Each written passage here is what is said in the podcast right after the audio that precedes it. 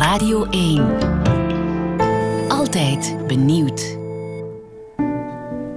Hoe wil je heten? vroeg de psycholoog. Zijn mond was een gespannen streep, alsof hij bang was dat ik een rare naam had gekozen. Thomas, zei ik. Oh, zei hij en zijn gezicht klaarde helemaal op. Mooie naam. Ja, Thomas was een normale naam. Iedereen kent wel iemand die Thomas heet en dat is ook altijd zo geweest. In alle eeuwen na Christus en zelfs daarvoor al hebben er jongens geleefd die zo heten. De weg naar de top van de literatuur is geplaveid met bloed, zweet en goede boeken. Mijn naam is Tom en ik neem je mee op bezoek bij acht beginnende schrijvers uit Vlaanderen en Nederland. De Beckmans en Moejaards van de toekomst, zeg maar. Wie zijn ze? Wat schrijven ze? Maar ook, wat staat er in hun boekenkast? Want je bent wat je leest. Een lijstje van alle boeken die zo meteen vermeld worden, vind je terug op langzullenwelezen.be. Zo kan jij rustig genieten van groen gebladerte.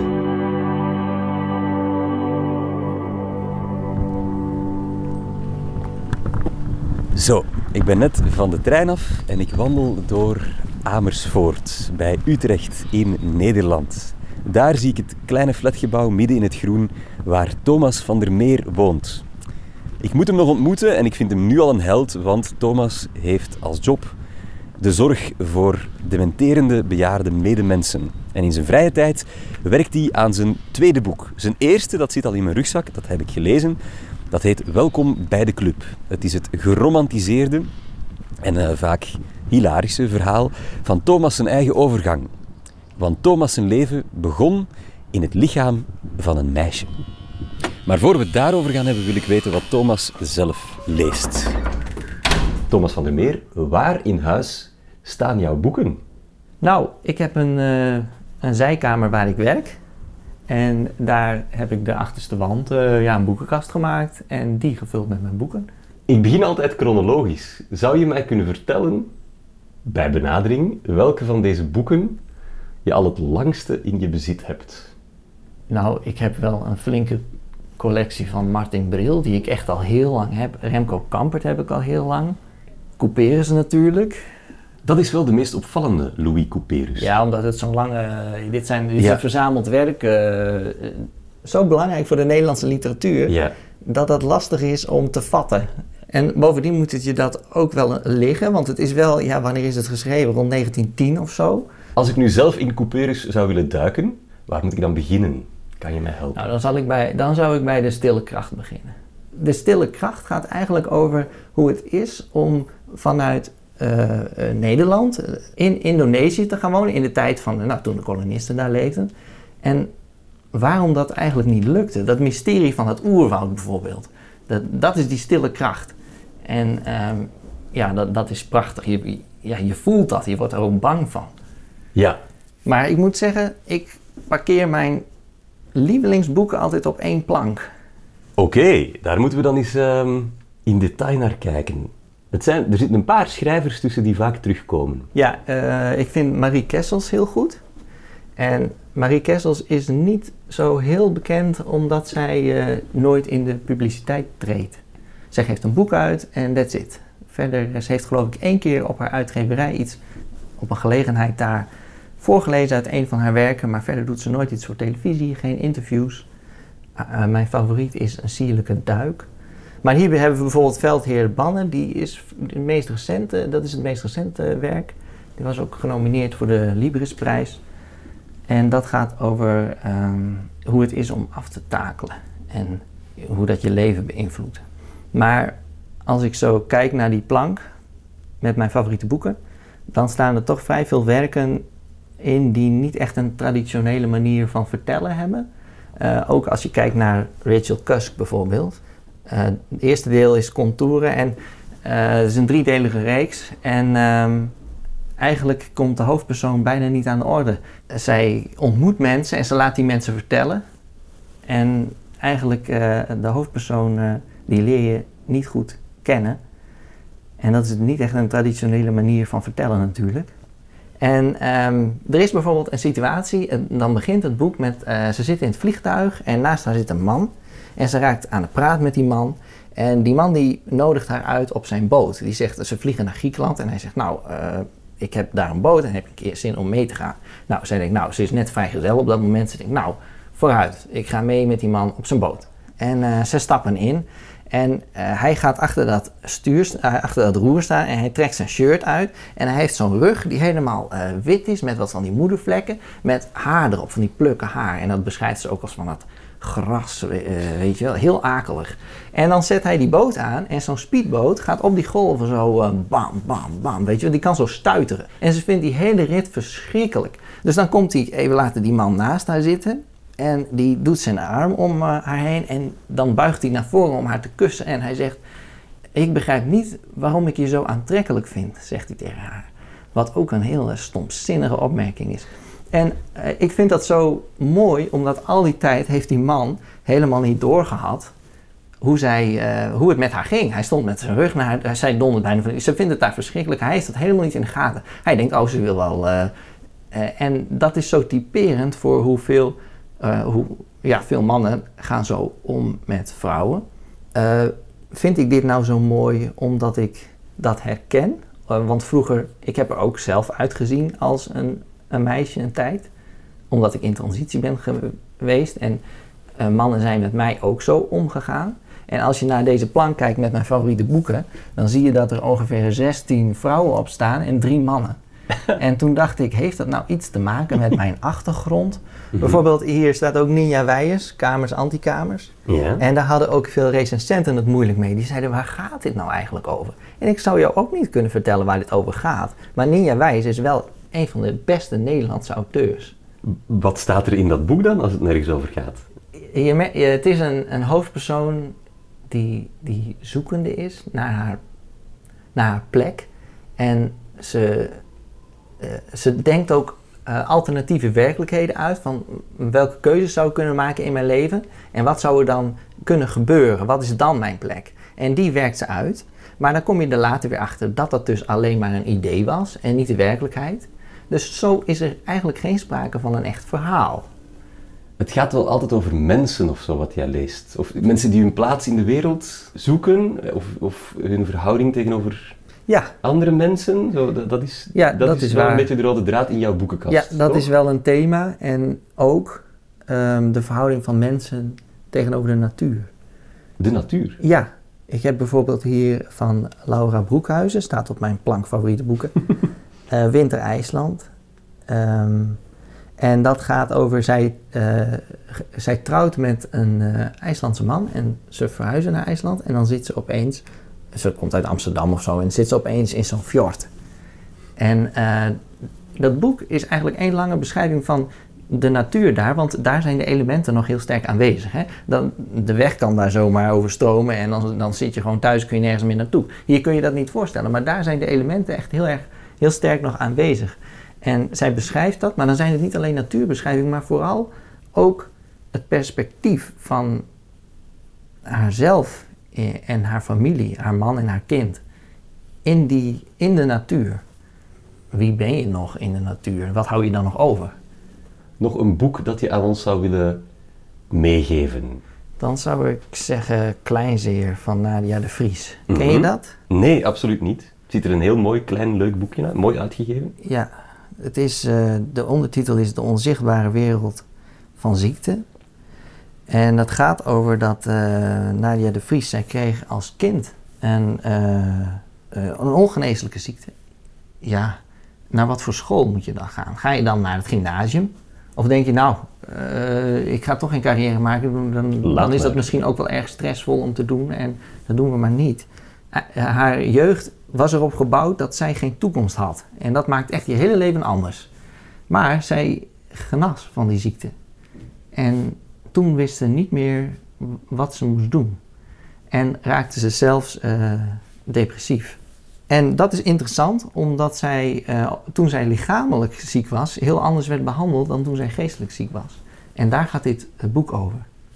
En dat vind ik een belangrijk thema. En het is ook fantastisch geschreven. Maar heb jij ook Guilty Pleasures. Ik heb wel wat rare boeken. Nou, het, Rare boeken, Je hebt ook altijd gewoon toevallig boeken erin staan waarvan je denkt van, eh, hoe komen die? Ik was bijvoorbeeld hier, het grote bakboek heb ik hieronder staan. Nou, ik bak niet. Ik, ik kan helemaal niks bakken. Iemand zou me dit ooit cadeau hebben gedaan, maar ik denk dat het was toen ik eruit zag als een meisje. Want ik kan me niet voorstellen dat... Tegenwoordig krijg ik bierpakketten cadeau, geen bakboeken.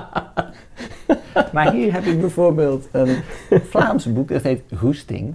En dat komt, ik was... eh, Kan in- het Vlaamser. Ja. ja, ik was in Antwerpen en eh, daar heb je zo'n heel leuk LHBT.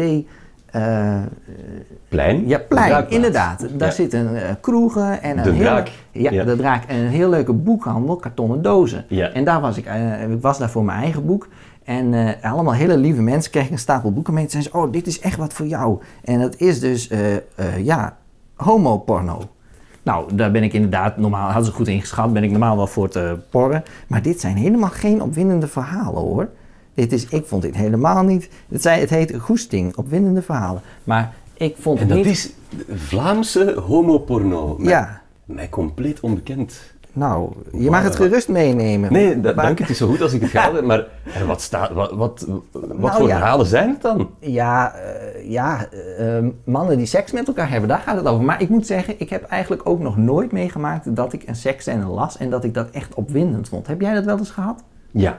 Oh, ook bij eh, de twee cowboys, hè? Dit van eh, Annie Prue. Eh, Brokeback Mountain is dat als Nooit film. gelezen. Maar daar zit een seksscène in. En da- en dacht ik, nou, dit, dit is echt eh, heel... eh, dit is best wel opwindend. Maar dan op een gegeven moment zegt de cowboy Jack, als ze seks hebben, zegt hij...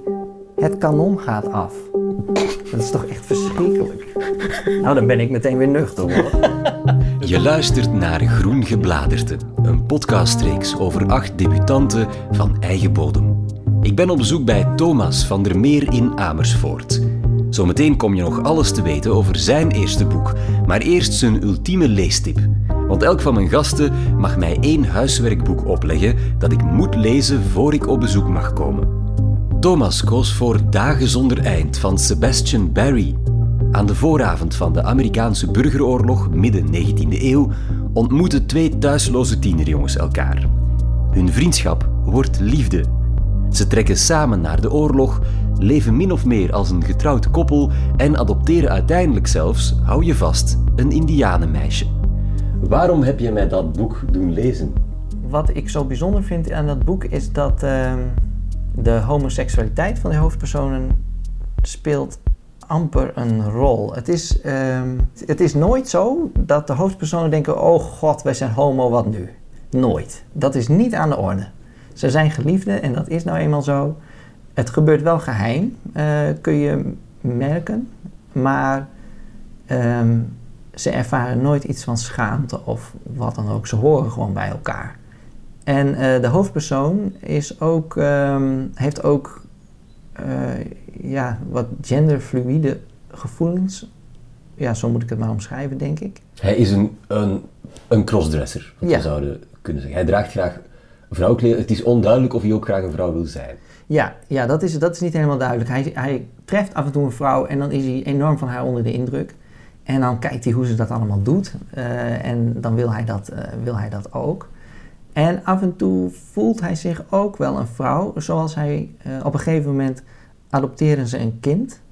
En dan voelt hij zich toch meer een moeder dan een vader voor het kind. En hij heeft ook het gevoel dat zij een normaal gezin zijn. En af en toe dan is hij gekleed in een jurk en zijn ze onderweg of zo. En dan ziet hij dat andere mensen hen zien en dan denkt hij, oh nou, zij denken dat hier een heel normaal gezin eh, gaat. Ik vond dat verwarrend. Dat er Ja. niemand riep van, hé, hey, een man in een vrouwenjurk. Ja. Nou is het wel zo eh, dat er bepaalde periodes zijn geweest, ehm, eh, bepaalde gemeenschappen waarin homoseksualiteit of crossdressing helemaal niet zo'n probleem was. eh, in die tijd. Maar ehm, wat je beschrijft, dat heb ik, zo heb ik het inderdaad ook gelezen. En ik heb nooit getwijfeld aan de geloofwaardigheid. En ik heb, vond het inderdaad ook heel erg verfrissend. En ik las het ook in de tijd dat het voor mijzelf al een thema was. Want ik ging toen zelf in transitie. En ik, ik, ik voelde me toen wel af en toe een, eh, ja, een, een attractie. Eerst zag ik eruit als een meisje en ik, ik, ik, ik veranderde in een, qua uiterlijk in een, in een jongen. Voor mijn gevoel was ik gewoon een jongen, maar mijn uiterlijk veranderde mee. En dus dat was best wel een thema van hoe, hoe kijken andere mensen daarna. Daarom betekende dat veel voor mij. Dat het in dit boek zo anders werkt. Het is vaak hartverscheurend. Er, zit, er Ja. zitten verschillende momenten van compleet diep droevig afscheid in. Maar tegelijkertijd is het, het is geen pessimistisch boek. Het is een heel optimistisch boek. Ja, dat komt ook door de verteller. Die verteller is dapper en die heeft ook nog humor in de manier waarop hij dat, dat beschrijft. En dat vind ik fantastisch. Ik ben echt dol op van die dappere vertellers en die met, met bravoure dat verhaal. eh, ja, hij twijfelt ook nooit aan zichzelf. En over dat hij eh, met, die, met zijn eh, gen, met, met, die, met die jurken en zo, dat, dat, die jongens die dan in die oorlog vechten en eh, die zo'n bijzonder gezin vormen eh, en dat zij een indianenmeisje adopteren. Eh, dat klinkt onwaarschijnlijk, maar het is niet onwaarschijnlijker dan de elementen uit de geschiedenis die de auteur gebruikt. De, de, de oorlog tegen die indianen. Dat klinkt toch veel... Dat je, zo'n, dat je daar komt en zo'n heel volk uitmoordt, al die volkeren uitmoordt. Dat is veel onwaarschijnlijker dan dat je zo'n gezin samenstelt. Heb je nog andere boeken van Sebastian Barry gelezen? Ja, het is. ehm, het gaat, eh, hij schrijft boeken over dezelfde familie, ehm, die Ierse familie. En zijn meest recente boek gaat over de geadopteerde dochter van dit koppel. En daar durfde ik nog niet aan te beginnen. Want het is zo raar, maar aan het eind van dit boek was ik zo bang dat het slecht zou aflopen. Ik heb dat eh, niet vaak, dat ik een boek ook echt heel spannend vind. Dat ik bijna niet het bladzij durf om te draaien. Maar nu, ik voelde me zo. eh, ik wilde zo graag dat het goed afliep met dat gezin. Dat ik, dat ik bijna niet naar het einde durfde te gaan. Het is echt heel stom eigenlijk. We laten in het midden hoe dit boek afloopt, maar er is een vervolg. Dus dat zegt al Ja. meer dan genoeg. Maar wel, ehm, die familie McNulty, die, ehm, die, die terugkomt in al het werk van Sebastian Barry, of toch in bijna al zijn werk. Ehm, hij volgt ze ook eh, tijdens de kolonisatie midden vorige eeuw. Hij volgt ze eh, in de Eerste Wereldoorlog. Al, hij, hij, komt, hij prikt eigenlijk in op de stamboom van de McNulty's en haalt er altijd personages Ja. uit. Ik vond dat een prachtige vondst. Ja, ja. En ook ontzettend moeilijk. Omdat je van al die tijdperken, al die fases uit de geschiedenis, moet je ontzettend veel weten om dat te kunnen schrijven. Dat geldt ook voor dit boek. Ja, er gaat volgens mij ontzettend veel research aan vooraf. Wat altijd zo is met een historische roman. Want dit zou je toch ook, kijk, het gezin, het is fictie. Maar dit heet toch gewoon een historische roman, omdat het een beeld geeft van dat tijdperk. En dat is ook wel bijzonder dat dit dan toch, dat dit mijn lievelingsboek is geworden. Want historische romans, ik lees ze wel, maar ik ga er nooit van uit dat het mijn lievelingsboek wordt. Nee. En wanneer ga jij je haar nou eens afknippen? vroeg de psycholoog. Dat had hij nou al zes keer gevraagd. En ik snapte niet wat ik ermee op zou schieten. Nu zag ik eruit als een meisje met lang haar, als ik mijn haar knipte als een meisje met kort haar. Maar ik wilde mijn diagnose, dus dezelfde dag ging ik naar de kapper. In het kapselboek wees ik een herenkapsel aan, kort aan de zijkanten, wat langer bovenop. Weet je het zeker? vroeg de kapster. Ze streek met haar handen door mijn haar en hield haar hoofd schuin. Het duurt jaren voordat het weer is aangegroeid. Ik weet het zeker. Jaren, zei ze. Ik weet het echt zeker. Je hebt heel mooi haar. Zo kwam ik nagenoeg onveranderd bij de kapper vandaan. Ik stapte op mijn brommer en werd pas boos toen ik bijna thuis was. Ik klemde mijn kaken op elkaar en reed terug naar een andere kapper.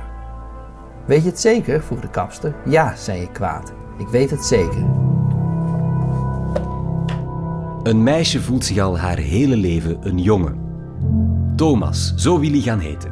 Als volwassene waagt hij de transitie. Wat voor Thomas eigenlijk allemaal heel evident is, is dat voor zijn omgeving blijkbaar niet. De ene tragische gebeurtenis volgt het andere hilarische misverstand op. Welkom bij de club is het debuut van Thomas van der Meer. Soms autobiografisch en soms ook niet.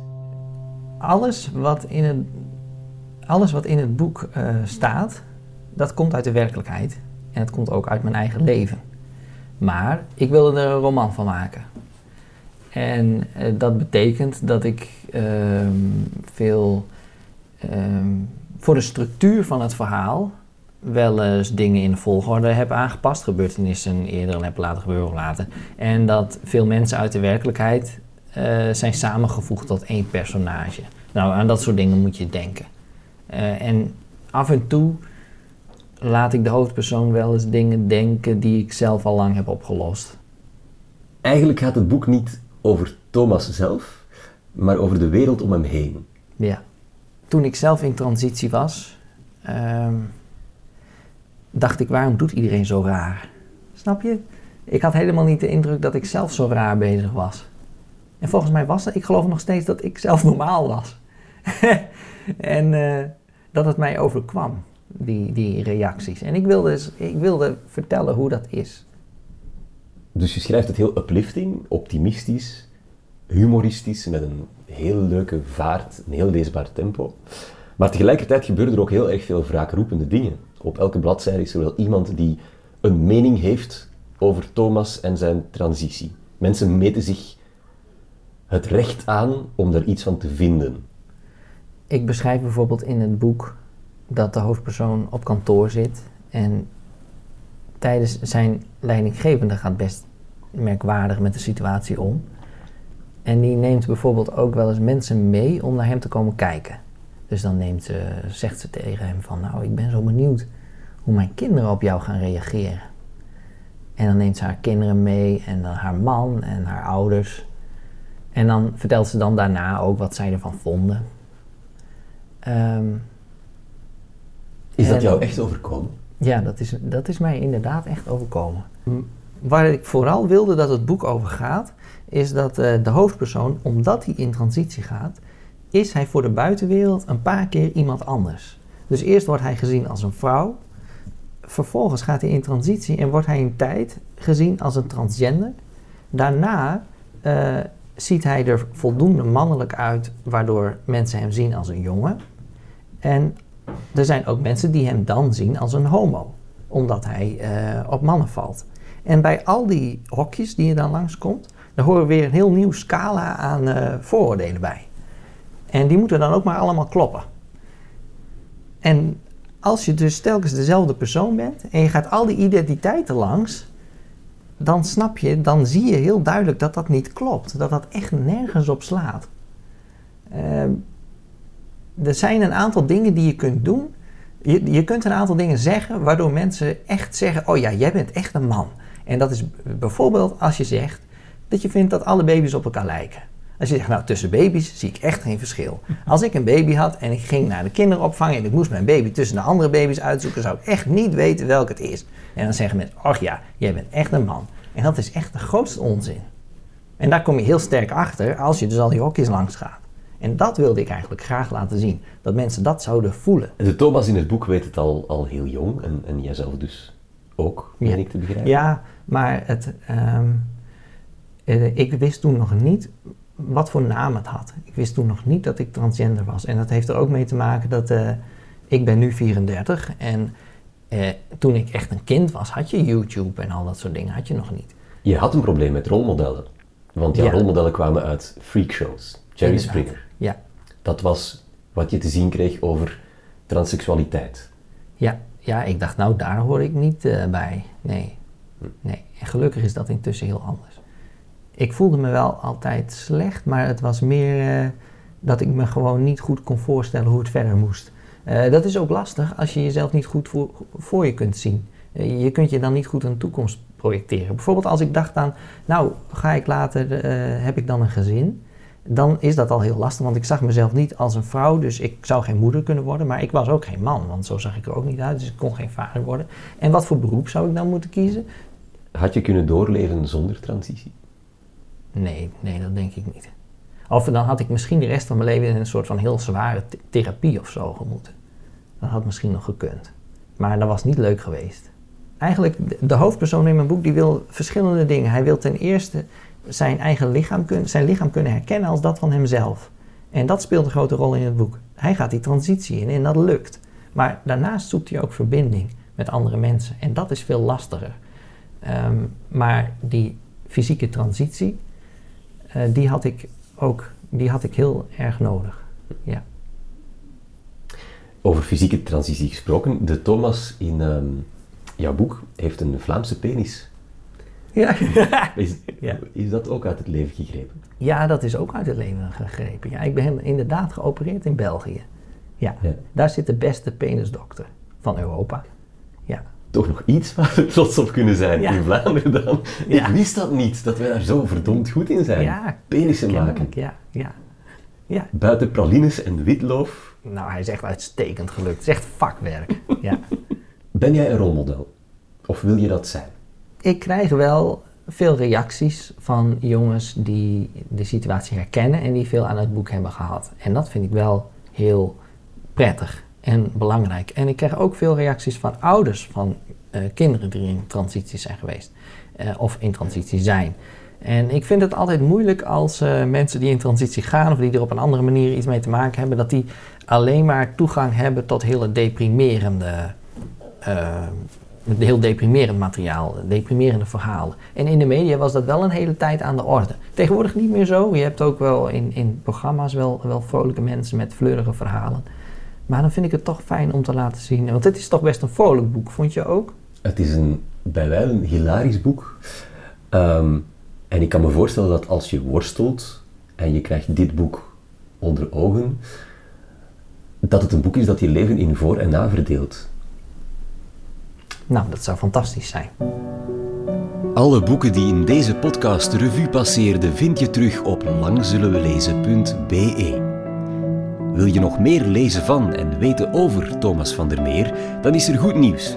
Want Lang Zullen We Lezen maakt samen met het Vlaams-Nederlands Huis De Buren bouwpakketten om zelf een leesclub te organiseren over Welkom bij de Club en andere boeken. Neem gerust een kijkje op langzullenwelezen.be schuine streep leesclubs. Als je in deze podcast leesinspiratie vond, geef ons dan zeker een beoordeling in je favoriete podcast-app. En vergeet de andere afleveringen uit deze reeks en de vorige niet te beluisteren. De wonderlijke muziek die je hier hoort, werd speciaal voor ons gecomponeerd en uitgevoerd door Sander de Keren. Groen Gebladerte kwam tot stand in samenwerking met Sabam for Culture. Een podcast van Lang Zullen We Lezen voor Radio 1.